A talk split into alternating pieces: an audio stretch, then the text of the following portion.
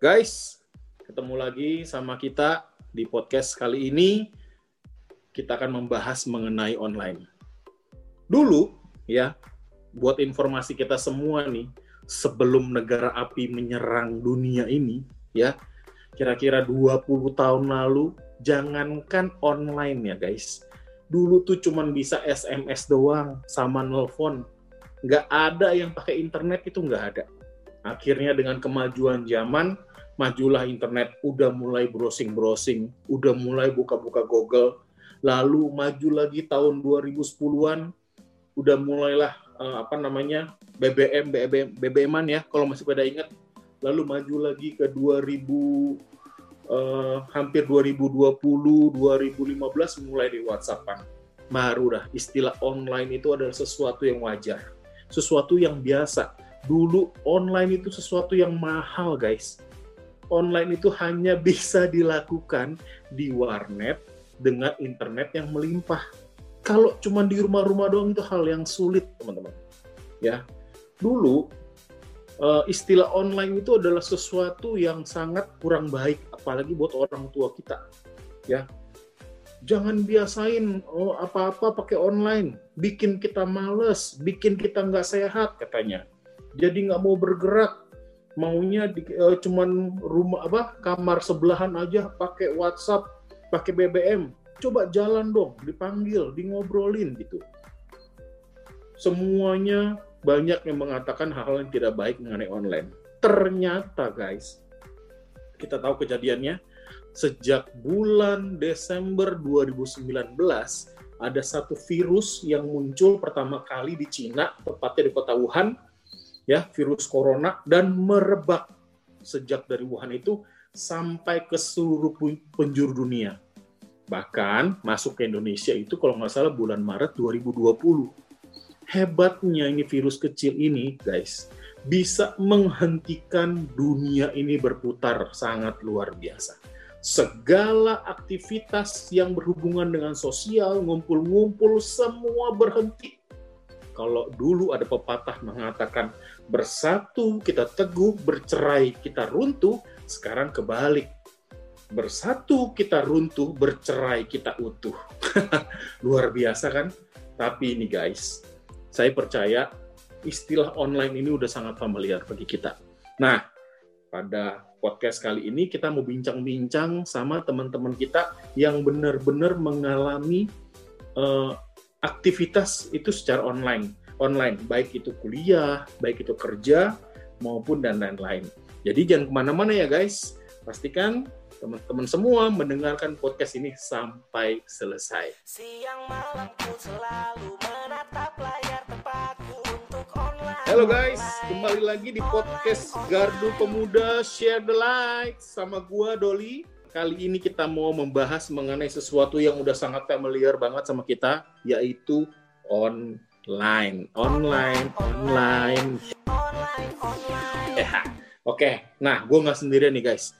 Kalau gue sendirian pasti bakal garing banget dan paling cuma 5 sampai 6 menit lu udah bete dengerin gue. Ya, kali ini gue ditemenin sama orang-orang yang kehidupan aktivitasnya itu bener-bener dipengaruhi sama yang istilah online ini yang pertama, nah dia ini adalah seorang mahasiswa yang kebanyakan itu aktivitasnya di kampus itu secara online. Benar ya, Devina? Betul kok. Oke, Devina ini sekarang semester berapa, Dek?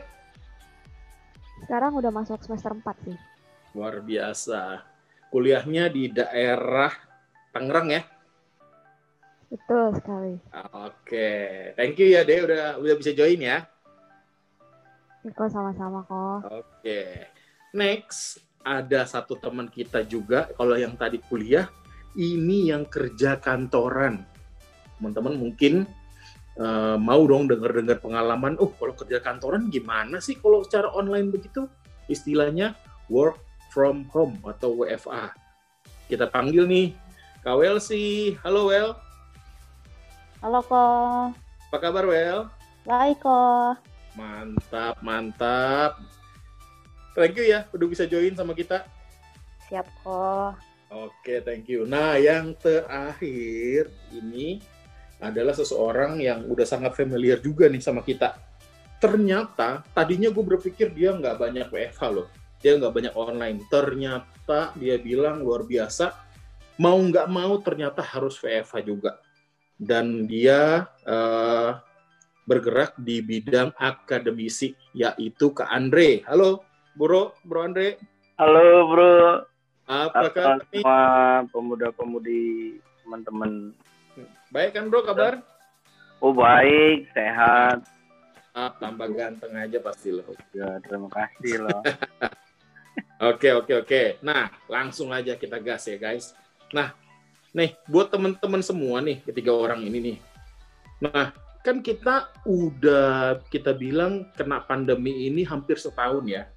Mulai dari bulan 3 2000 20 sampai dengan sekarang itu udah hampir setahun. Nah, banyak kegiatan yang memang dipaksa yang tadinya offline, tetap muka, sekarang harus dibuat menjadi online. Nah, buat kalian semua gimana sih?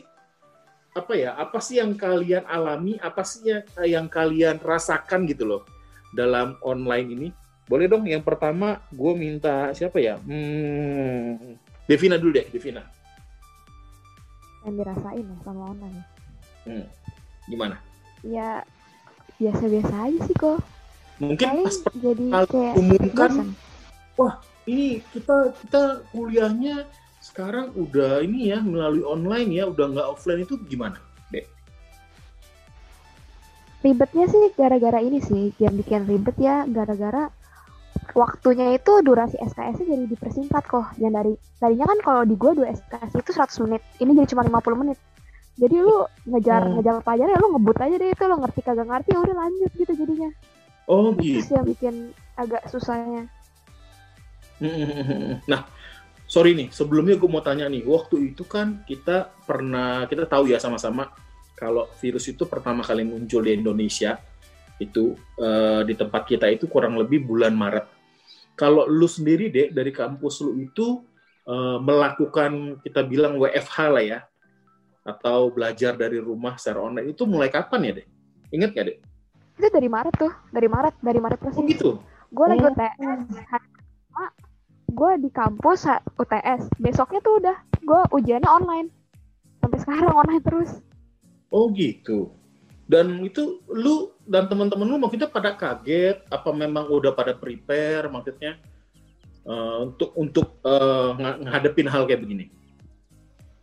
Udah prepare sih, malah udah seneng sih kayak yes ujiannya online, jadi bisa nyontek gitu kan, bisa ngeliat ke buku gitu jadinya. Bisa aja. Doalah kan susah kan mata kuliah, jadi kayak ya udahlah online ini menyelamatkan IP gitu jadinya. Tapi mungkin tadinya nggak nyangka ya kalau bakal sampai selama ini ya. Iya, tadinya kan pikirnya kayak cuman sampai semester akhir semester 2 kan. Jadi semester Iya. 3 udah online lagi. Eh ternyata terus sampai sini. bener bener bener. Oke oke thank you deh. Nah next nih mau nanya ke Welsi nih. Well lu gimana Well? Sejak kapan Well? Kantor lu WFH? Gue sejak akhir Februari kok. Oh lebih cepet ya? Iya, lebih.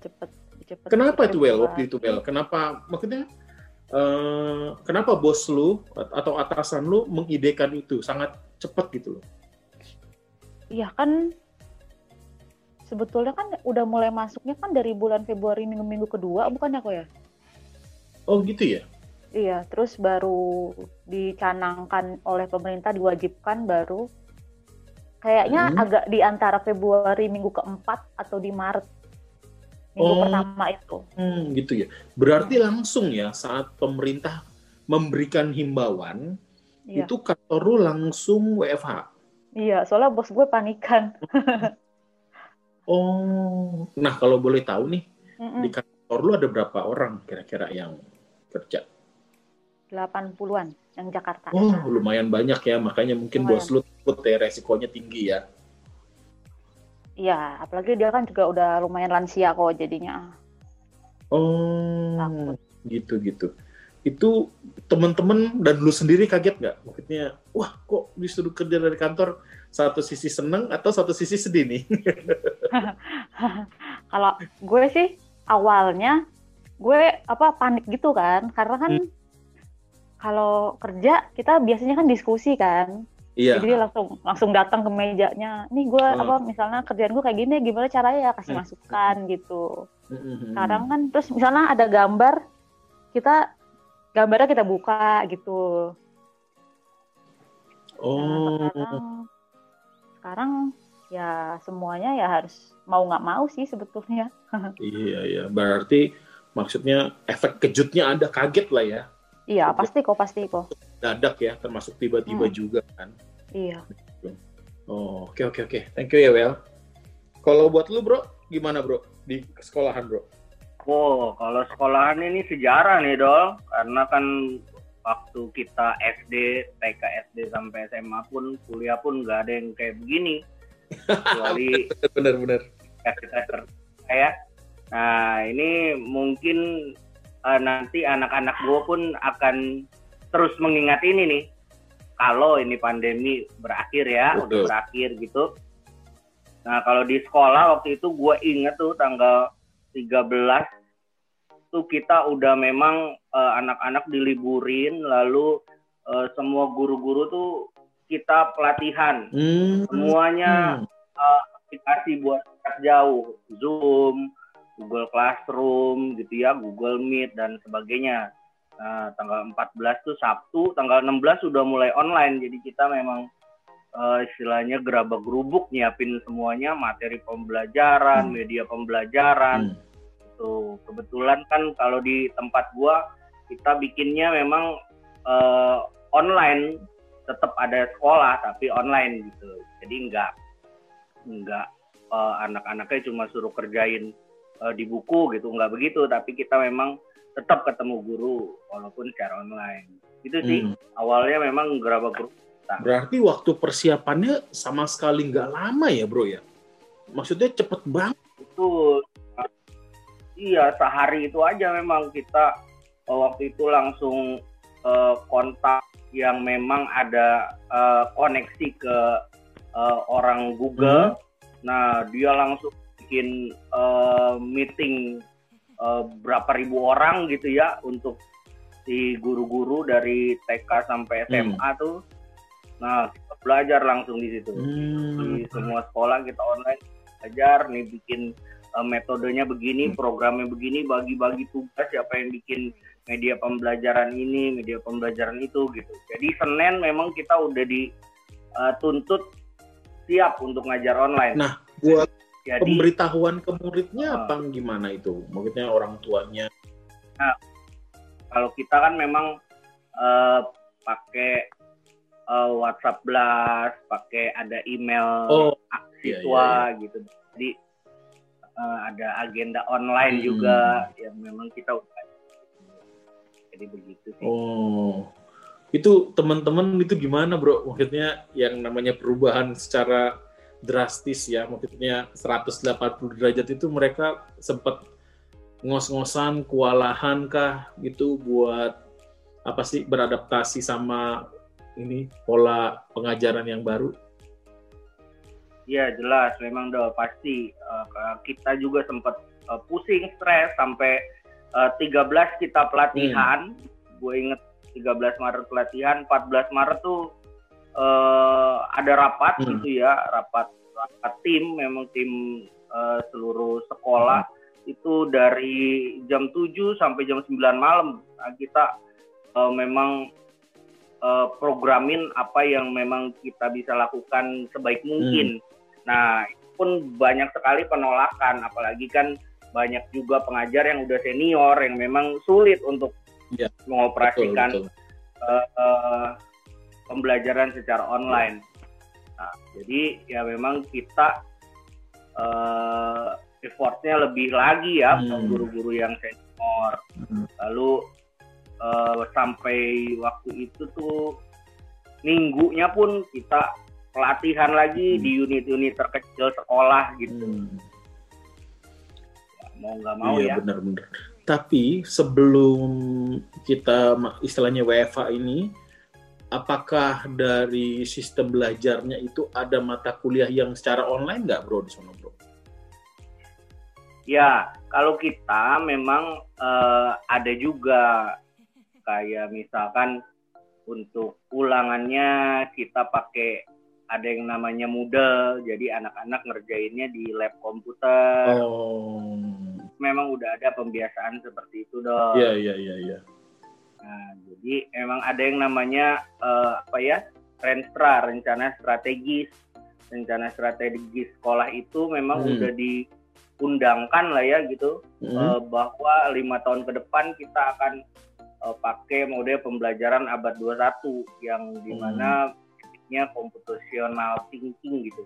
Artinya si anak diajar untuk bisa berpikir eh, secara komputerisasi. ya. Hmm. Jadi, Iya, jadi dari situ ya pas juga sih iya, iya, iya. nanti hal itu. Kan eh, jaringan sekolah lu ini kan bro, bukan ecek-ecek ya, Bro. Maksudnya jaringannya luas banget. Bahkan mungkin bisa gue bilang hampir eh, seluruh daerah di daerah-daerah juga ada.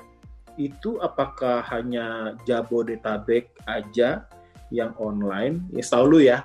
Atau memang semua yang bersangkutan sama yayasan sekolah lu itu online semua, Bro?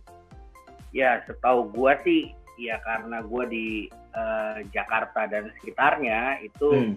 eh, yang online semua. Kalau yang di daerah gua nggak ngerti ya paling juga Hmm. eh, sesuaikan dengan kondisi sih dok. Iya iya karena kan tiap daerah pasti ada kendala masing-masing lah ya mungkin ya. Mungkin zona-zona yang nggak merah, yang hijau mungkin masih bisa kali ya tatap muka dan lain-lainnya. Iya kemungkinan gitu. Buah luar biasa. Thank you thank you bro. Oke, Nah kalau lu well, jadi gimana sistem kerjanya untuk menyiasati secara online itu bagaimana well sekarang?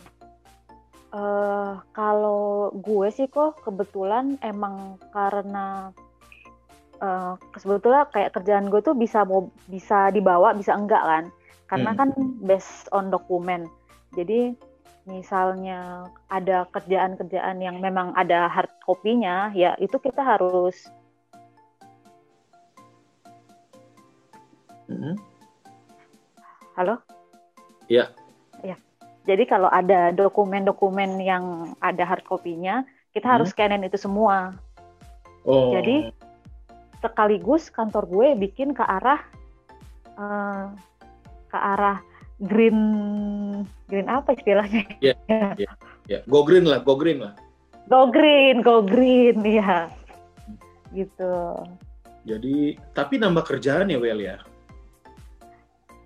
Sebenarnya kerjaan itu nambah karena bos gue tahu kalau kita kerja di rumah jadinya Mhm. lebih dipush lagi supaya kerjaannya buru-buru diselesain gitu.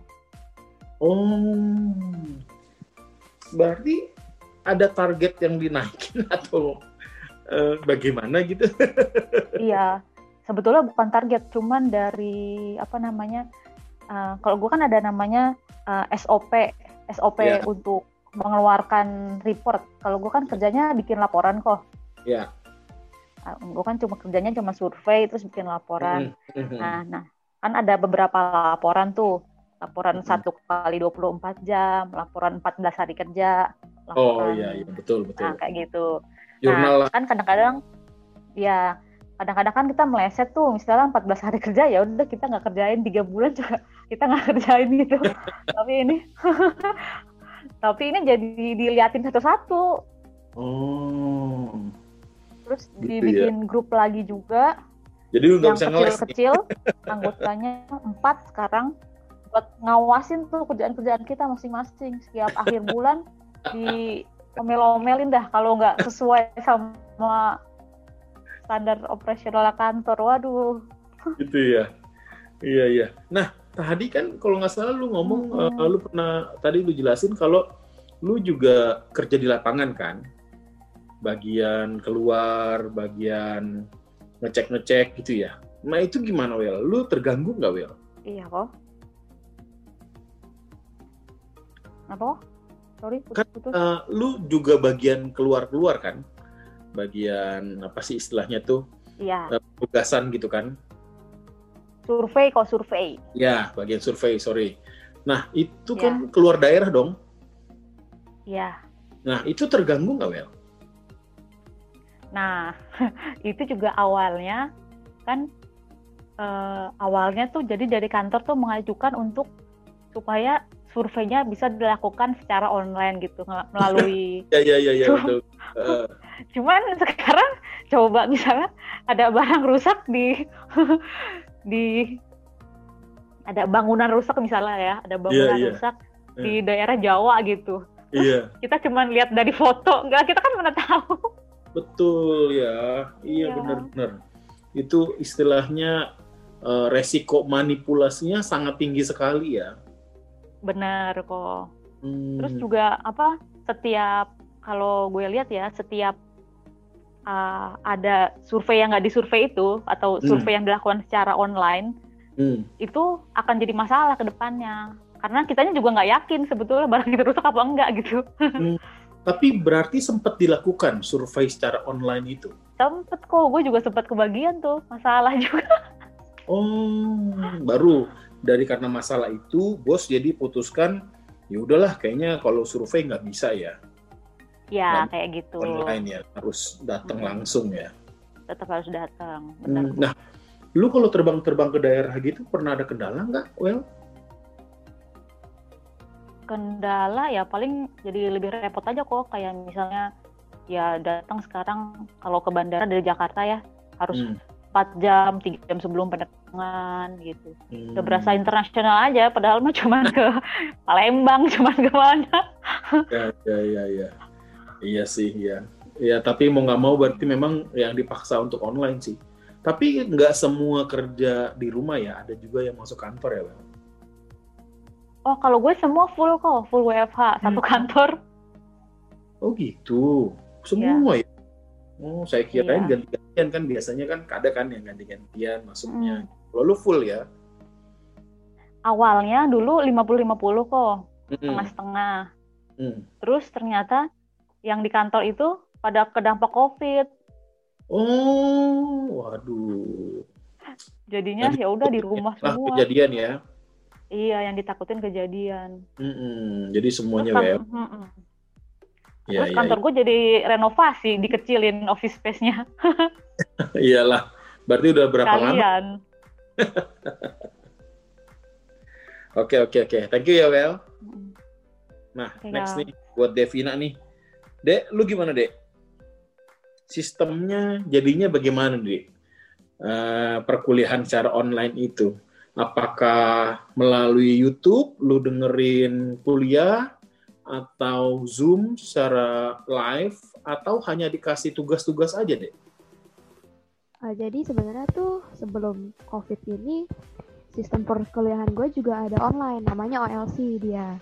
Oh. Jadi gue ada misalnya kayak sebulan satu kali tuh gue pasti ada online.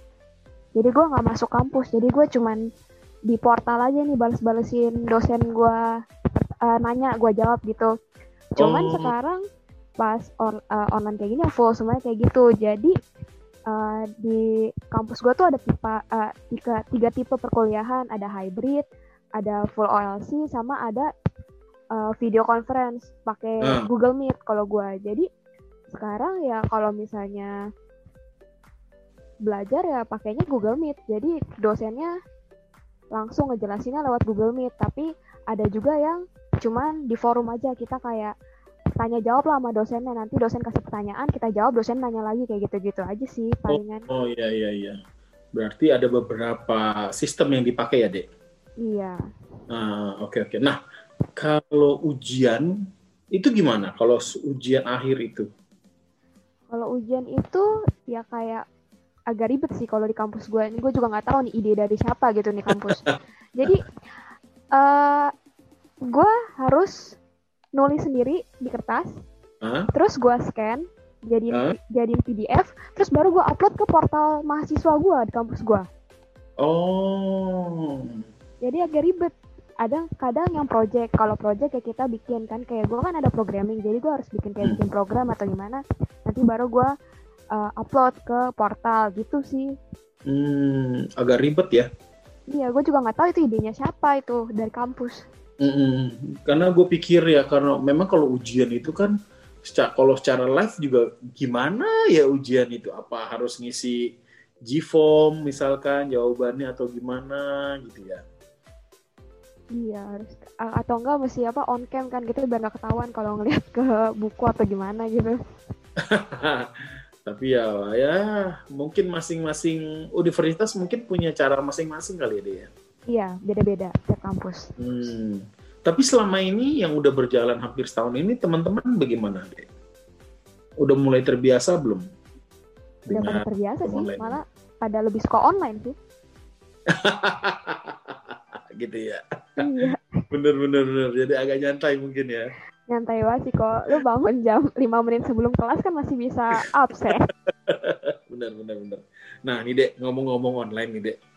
Kira-kira nih ada nggak sih hal-hal apa gitu yang lu kangen lakukan gitu pas masih kuliah secara offline tapi sekarang udah karena online udah nggak bisa lakukan lagi. Ada nggak sih dek kira-kira dek?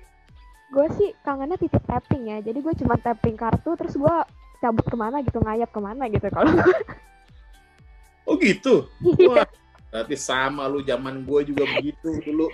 Ya jadi misalnya gue udah tahu nih dosen gue ngebosenin gitu kan dosen gue ngebosenin kayak ya udahlah dosennya belum datang gue tapping udah cabut mau cabut ke mana kayak gitu jadi aku Oh, kalau zaman gue dulu masih tanda tangan. Absen tanda tangan, nanti tahu-tahu pas gurunya eh, dosen lagi ngeliat kita kabur. Berarti kurang lebih sama ya. sama Aduh, Oke oke oke, thank you ya dek. oke kok Kalau lu Wel gimana Wel? Ada yang lu kangen lakukan nggak? Kayaknya lu miss banget ini gara-gara online ini. Aduh, nggak bisa ini, nggak bisa itu.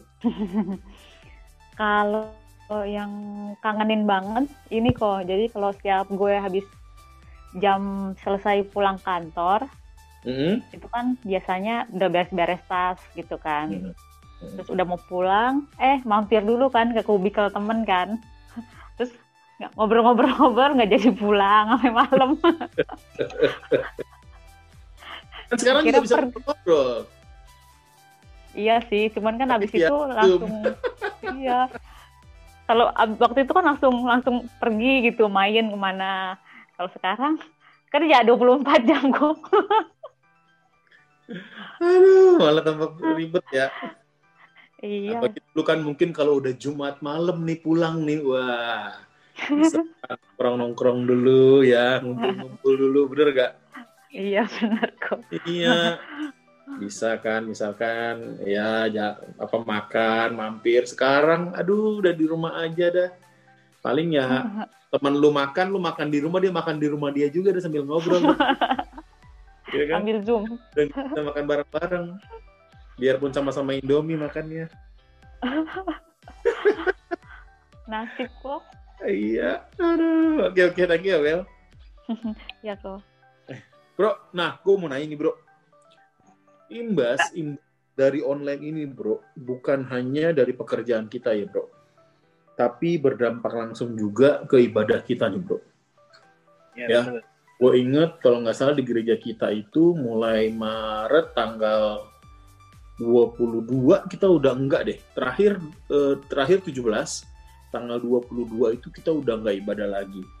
Pas Iya. dari pemerintah mengeluarkan himbauan untuk ibadah di rumah.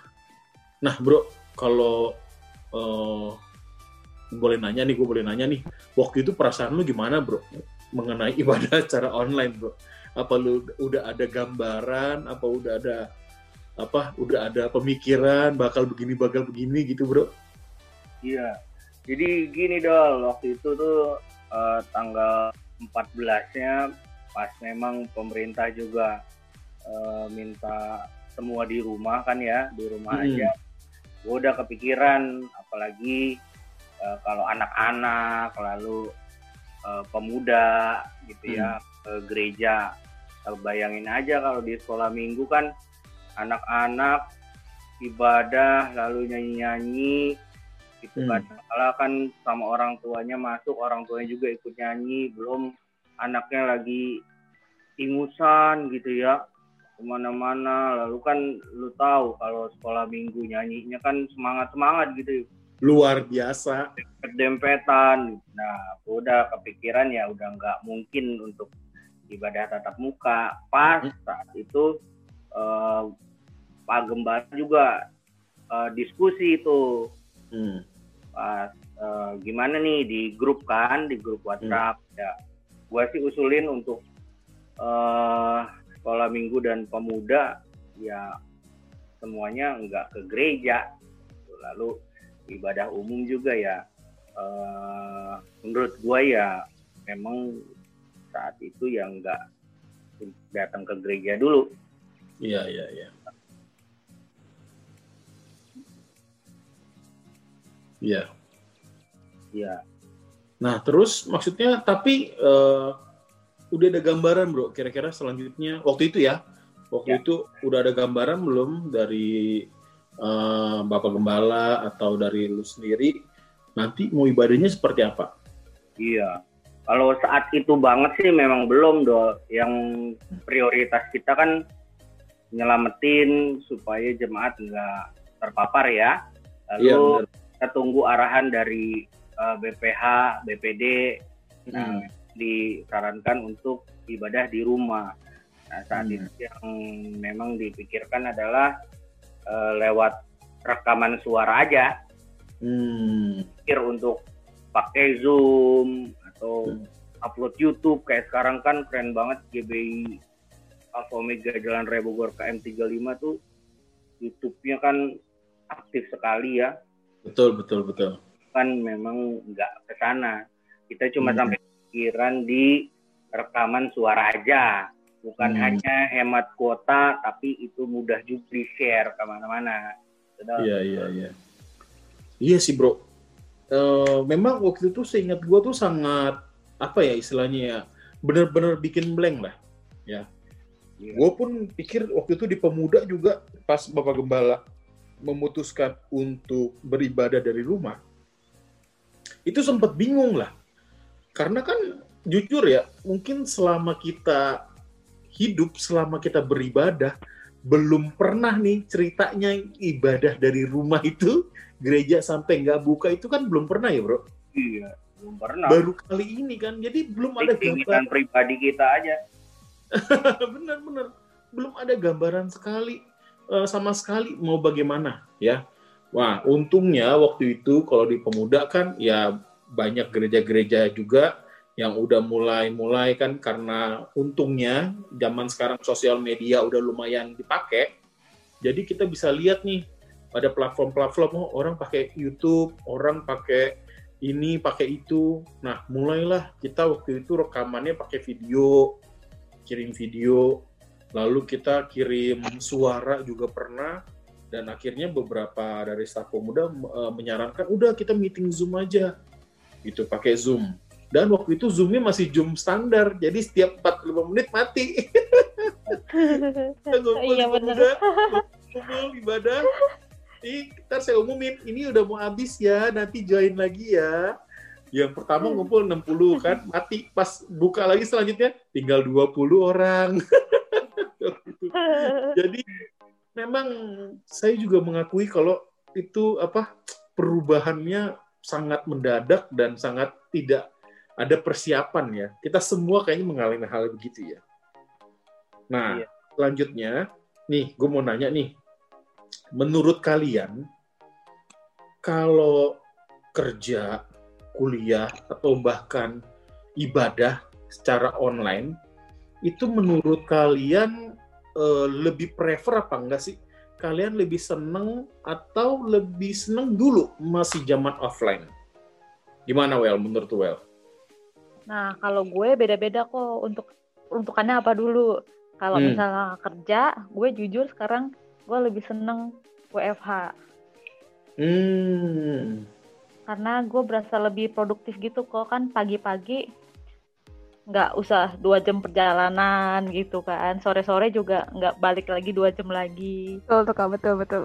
oh gitu ya. jadinya iya jadinya bisa dipakai buat ngerjain laporan Oh, nah kendalanya apa Well? Selama online ini Well? Nah, kalau kendalanya di awal-awal paling masalah komunikasi kok. Hmm. Cuman itu kayak makin lama kita kan beradaptasi. Jadi Betul. udah kita udah bisa mengatasinya sendiri gitu. Oh. Iya iya iya, tapi lu pribadi sih mas, eh, lebih seneng secara offline begini ya. Online. Sorry sorry online begini. WF WFH kerjanya. ya. Aha. Ya. Temen-temen Tapi lu kalau heeh, temen-temen gue kayaknya kalau yang cowok-cowok kebanyakan lebih seneng ke kantor deh.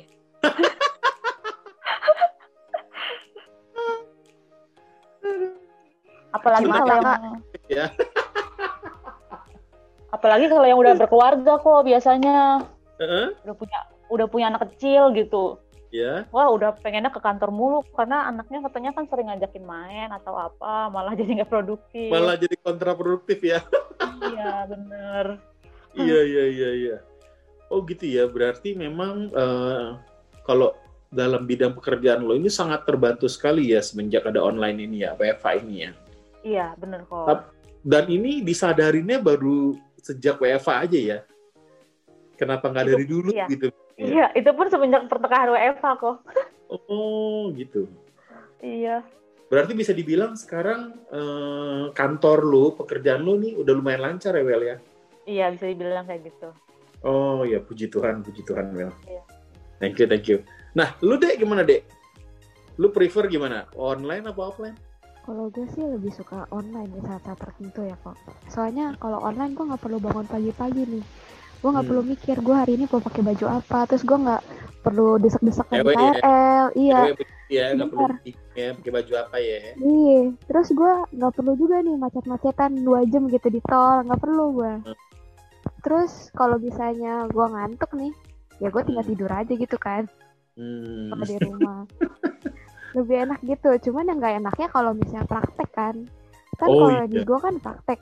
Praktek kayak Betul. gini pakai Google Meet kan aneh gitu. Jadi kayak kurang kurang apa gitu.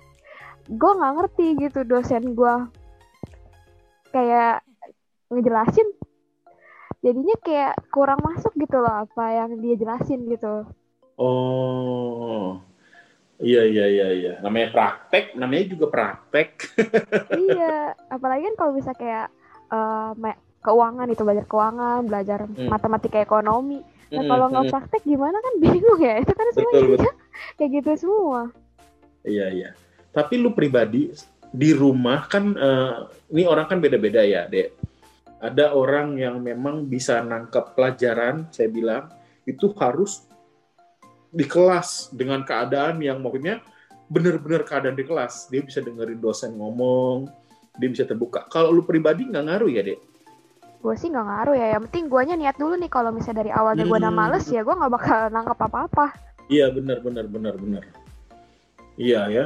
Malah ada orang yang memang senangnya di rumah bisa sendirian malah bisa konsen ya daripada rame-rame di kelas ya. Sebenarnya malah kalau misalnya buat belajar enakan di kelas sih. Jadi kan kayak lu kalau bosan gitu tinggal ngobrol aja kan sama temen. Kalau lagi capek sedikit tinggal bilang ke dosennya Pak istirahat dulu Pak bentar gitu. Ini kan nggak bisa. Kalau online gak bisa ya. Iya, gas terus gas terus. namanya. Waktunya dibatasin kan? Benar-benar. Teman-teman gimana menurut lo? Dari pandangan lo nih teman-teman senang nggak nih online begini? Seneng banget online pada, seneng banget sih. Itu ngomong-ngomong kalau lagi Google Meet atau Zoom itu mereka pada nyalain kamera nggak sih? enggak, enggak, enggak. Dosen gue sih nggak minta ya, karena dia tahu dia pernah ngomong gini, saya nggak minta on cam karena saya tahu kalian ada yang belum mandi, ada yang baru bangun tidur, jadi saya memahami kalian kata dia gitu. Gus. Aduh. Nah, Jadi terus dia aman. tahu dari mana? Maksudnya kalian itu dengerin dia apa enggak? Apa dia juga masa bodoh? Yang penting gue pas lagi ujian lu harus bener aja ngerjainnya. Biasanya digini dipanggil tiba-tiba, ya Devina coba ini jawab dulu pertanyaannya kayak gitu. Kalau nggak ada, oh, Oh. berarti nggak nyimak gitu.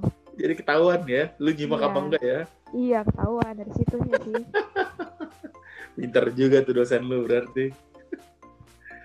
Oke oke oke, thank you ya dek. Oke kak. Kalau lu bro gimana bro? Prefer offline Ya, zaman dulu apa Gini sekarang? dong, kalau eh, buat sekolah sih ya, memang ini hal yang nggak gampang. Positifnya sih ya banyak juga. Jadi pembelajaran lebih praktis, guru-guru lebih kreatif, anak-anak juga bisa eksplor hal-hal digital ya.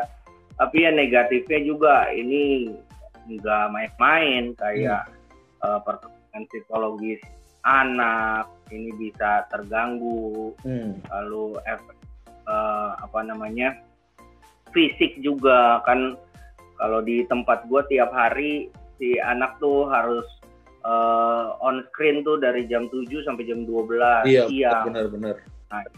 pengaruh ke matanya, pengaruh ke apa namanya struktur tulang belakang dan sebagainya, cara dia duduk dan sebagainya kan.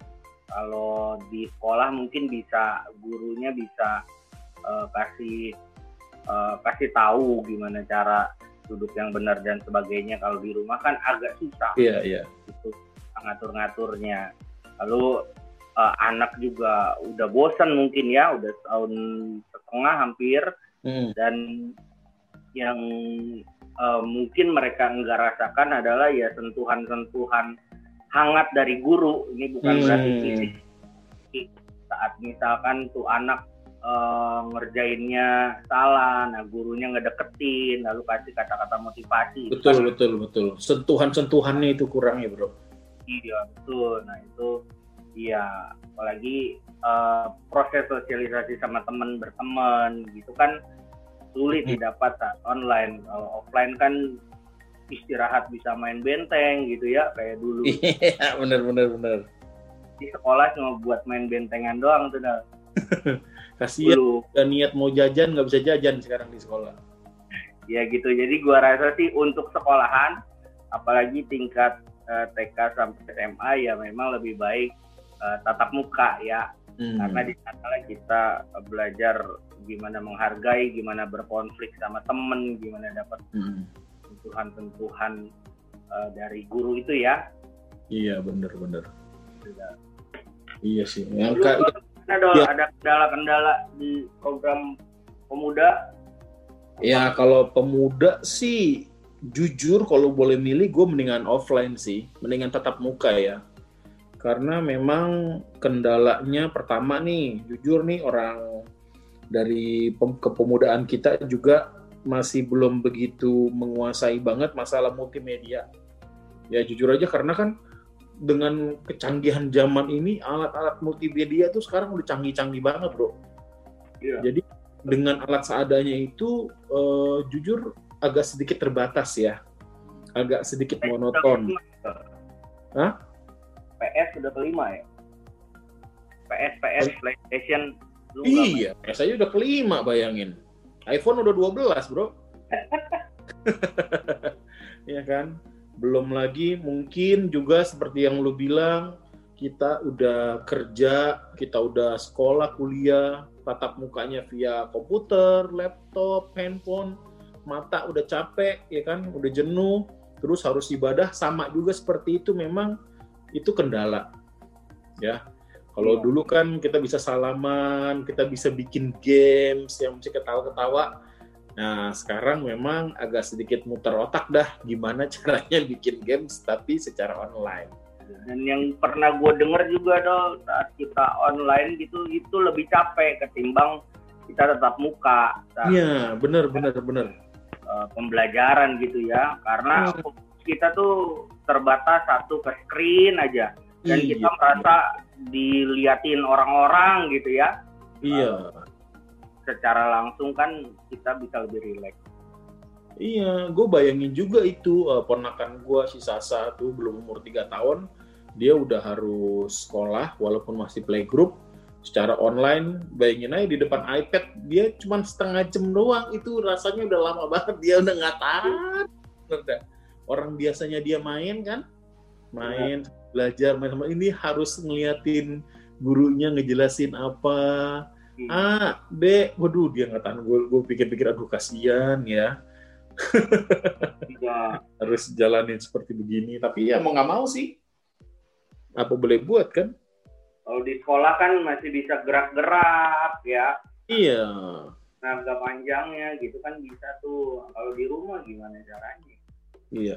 Tapi kalau dari sekolah nih bro tempat lu ini kira-kira udah ada perkiraan belum metode pengajaran online ini sampai kapan? Kalau dari kalau di gua sih memang ya kita ikutin arahan pemerintah ya doang. Hmm.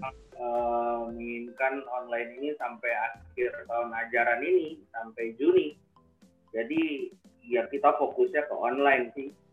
Hmm. Walaupun di Iya, samping juga kita udah siapin uh, seandainya tatap muka semua Hmm.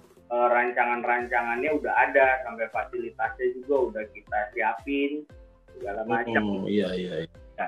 Untuk sekarang ya sampai tahun ajaran ini sampai Juni ya kita tetap online. Oh, iya iya. Karena waktu itu juga gue sempat dengar itu eh, sempat mau diadakan tetap muka. Waktu itu sempat tapi karena kasusnya naik akhirnya dibatalin ya bro. Pernah ya kalau nggak salah ya. Iya benar-benar. Tapi ya sampai sekarang juga tergantung daerahnya. Jadi ya Iya iya. dan pendidikan juga nyerahin ke kepala daerah, Betul ke dinas betul pendidikannya, dinas pendidikan setempat, terus ke guru, ke sekolah dan orang tua. Nah, khusus Hmm. Jakarta dan Depok ini memang udah ditentuin nggak boleh sih tatap muka. Tapi kalau di daerah sih udah ada yang banyak juga, Dol. Iya ya. Khususnya daerah-daerah hijau kali zona hijau ya. Iya benar, benar. Tapi ngomong-ngomong, ini guru-guru semua benar-benar WFH atau ada ganti-gantian nih yang masuk di sekolah? Maksudnya mungkin mereka ngajarnya dari sekolah atau gimana? Jadi eh, memang kalau guru yang memang terkendala banget, terkendala sinyal atau guru yang kos, lingkungan yang nggak mendukung, misalkan dia Iya. kos bertigaan gitu, nah Iya, iya, WFH dia harus ngajar, ya dia ke sekolah. Gitu. Tapi Hmm, kita sih himbau tetap di rumah. Itu pun kita batasi dengan prokes yang ketat. Dia harus isi Hmm. form itu, dia nggak boleh ke mana-mana gitu. Iya, iya, iya, iya. mau ke sekolah gitu. Lalu Iya, betul. eh, yang memang piket itu ada orang-orang khusus yang eh, setiap hari gantian kita piket satu atau dua orang. Hmm. Iya, iya, iya. Iya sih memang ya keadaannya. Oke bro, thank you, thank you, thank you. Nah, kita ngomong ini bro, eh, guys, mengenai ibadah online di gereja nih. Kalau kita flash- flashback nih ya, dulu kita bisa gampang pulang pergi ibadah, salam sana, salam sini, cipika sana, cipiki sini, ngobrol-ngobrol, ya. Nah, kalau dibandingin sama sekarang, ya ibadah secara apa online. Menurut kalian itu prefer yang mana sih? Kalian bisa nggak eh, ceritain apa hal positif apa sih yang kira-kira kalian dapetin nih dari ibadah di gereja secara online ini? Boleh? Well, mungkin lu bisa kasih pendapat, Well? Untuk hal positif untuk ibadah online. Hmm, Untuk ibadah online dulu ya kok ya? Iya. Dari rumah. Betul. Oke. Kalau gue sukanya itu online, eh, tapi ini pemuda aja ya kok ya. Eh, karena kan kalau apa pemuda tuh enaknya kalau online menurut gue eh, ketika dengerin firman. Hmm, Jadi kan apa kayak kelihatan banget gitu orangnya. Terus hmm, ngobrolnya juga jelas gitu kalau menurut gue kok kalau online. hmm, Nah, iya, iya. tapi untuk pemuda. Tapi kalau untuk apa namanya? Kalau untuk ibadah umum, gue sih pasti udah otomatis prefer ke ke gereja lah. Hmm. Nggak mungkin. kalau Iya, di Mungkin lagi tugas keluar daerah ya. apa tuh kok? Kalau Eh, online Ya, juga bisa tuh. Misalnya kita eh, di mana aja kan kita bisa kita bisa Hmm. ikutin. Harusnya ya kan tidak Hmm. terbatas oleh waktu kan. iya, Ya, iya. kecuali ada acara banget ya begitu kita nggak apa-apa lah sekali-sekali tapi ya, harusnya Hmm. sih kok kalau ibadah online lebih banyak yang datang kok Benar, benar, benar. Harusnya. Soalnya soalnya lebih kecil ya. iya Oke, oke. Thank you, Well. Kalau menurut lo, Dek,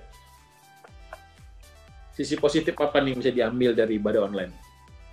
sisi positifnya ya lu di mana aja udah bisa ibadah kok misalnya lu kayak lagi pergi nih lagi di jalan Hmm. ibadah tinggal masuk zoom kan Hmm. itu sih sama paling lebih enaknya kayak lebih efisien aja apalagi kalau misalnya kayak cuaca cuacanya lagi hujan gitu lagi Hmm. lagi kayak gini kan gak usah maksudnya bukannya bukannya jadi ini ya bukannya bikin ribet atau gimana tapi kan lebih lebih ini aja mungkin kayak yang rumahnya jauh atau yang nggak punya fasilitas buat ke gereja pas lagi kondisi kayak gitu kan bisa online kan enak gitu Hmm, benar benar benar benar. Nah, tapi itu sisi positifnya. Kalau negatifnya nih menurut lo apa deh? negatifnya kok Hmm.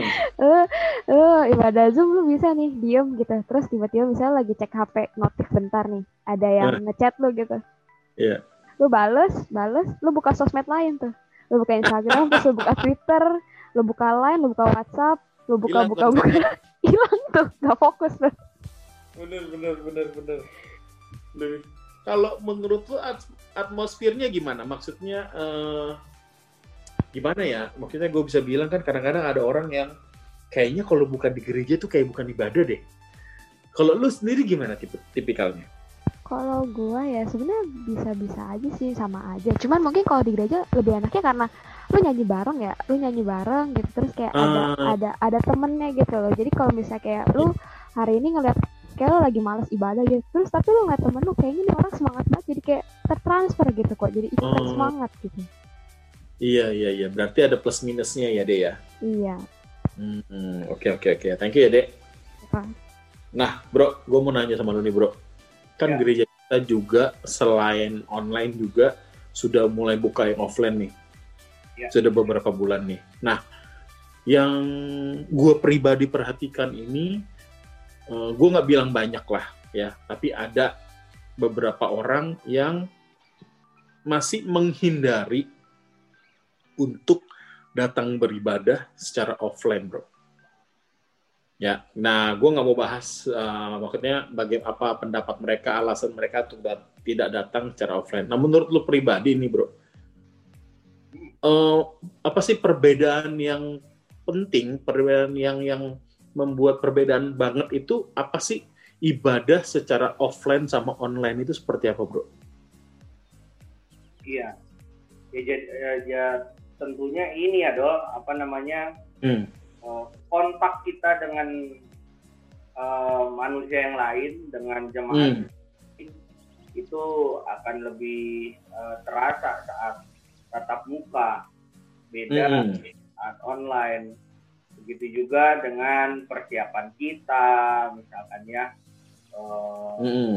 ya nenteng Alkitab gitu Ya.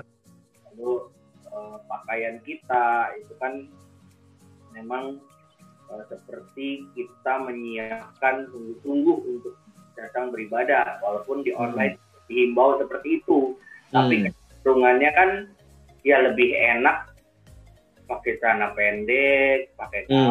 kaos ya dengan Hmm. tapi yang eh, senyamannya kita gitu kan ya Iya betul.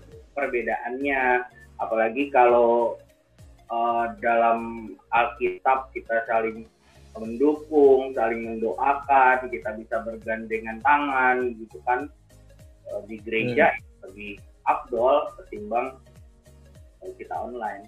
Hmm. Iya iya iya.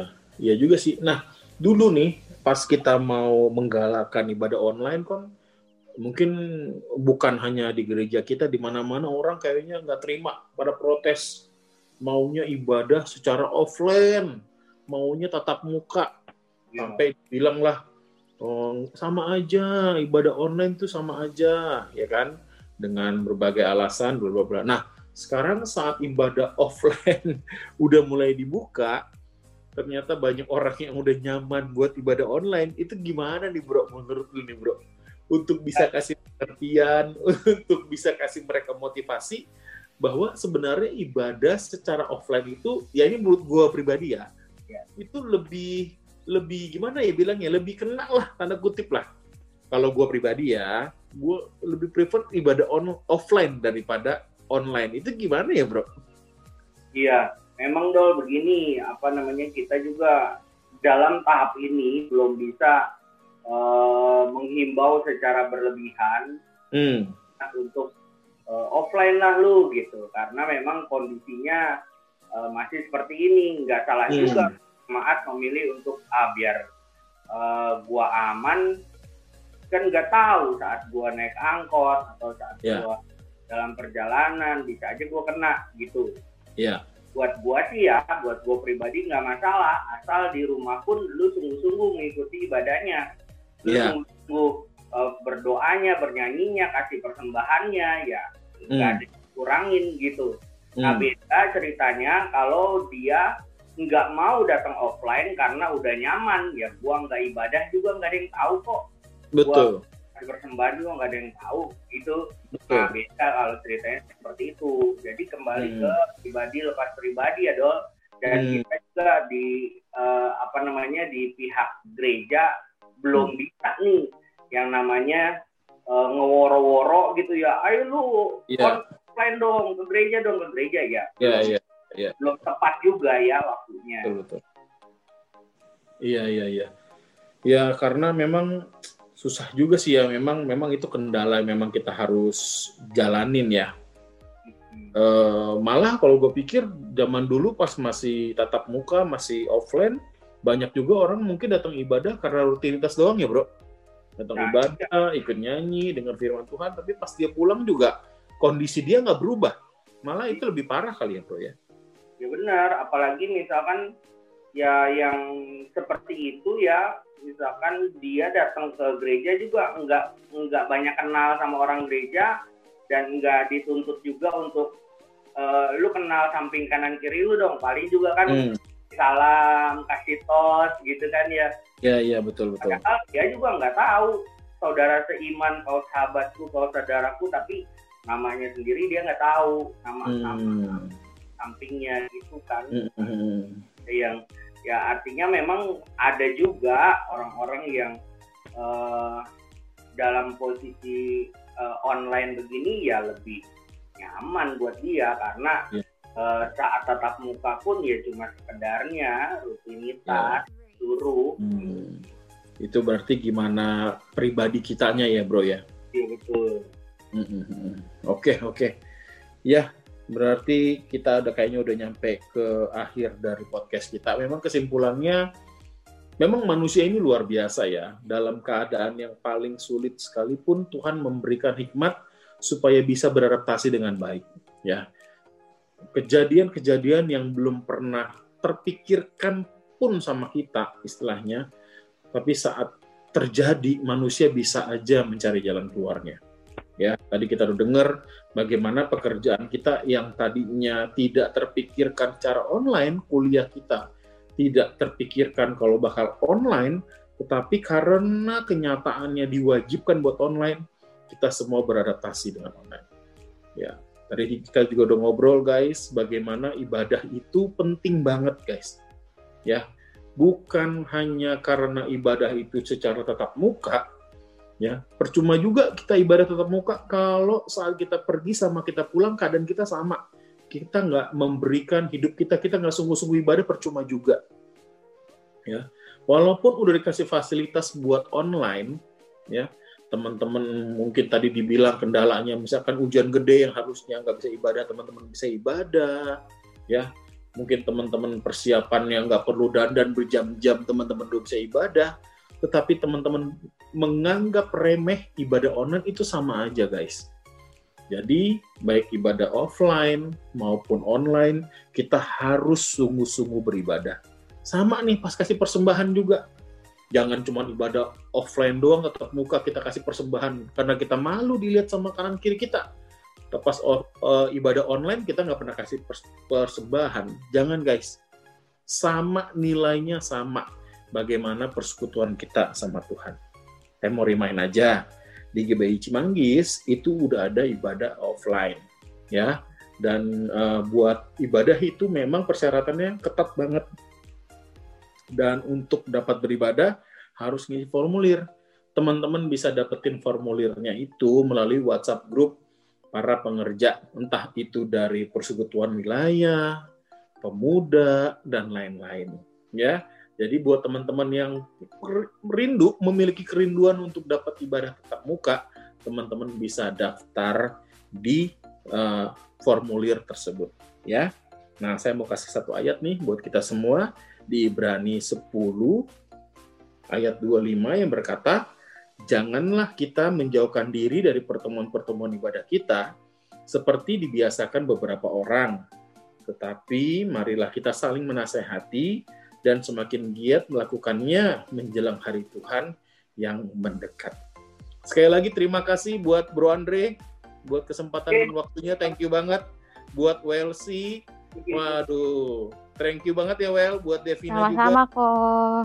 Waduh, masukan kalian luar biasa ya. Saya berharap buat teman-teman yang dengar di sono nih, jadi mereka udah tidak nebak-nebak lagi. Wah itu kalau guru WFH-nya bagaimana ya? Kalau orang kantoran WFH-nya gimana ya? Kalau orang kuliahan itu gimana online-nya ya? Semua udah terjawab di podcast ini. Sekali lagi thank you ya guys Tuhan Yesus yang memberkati kalian berlimpah ya.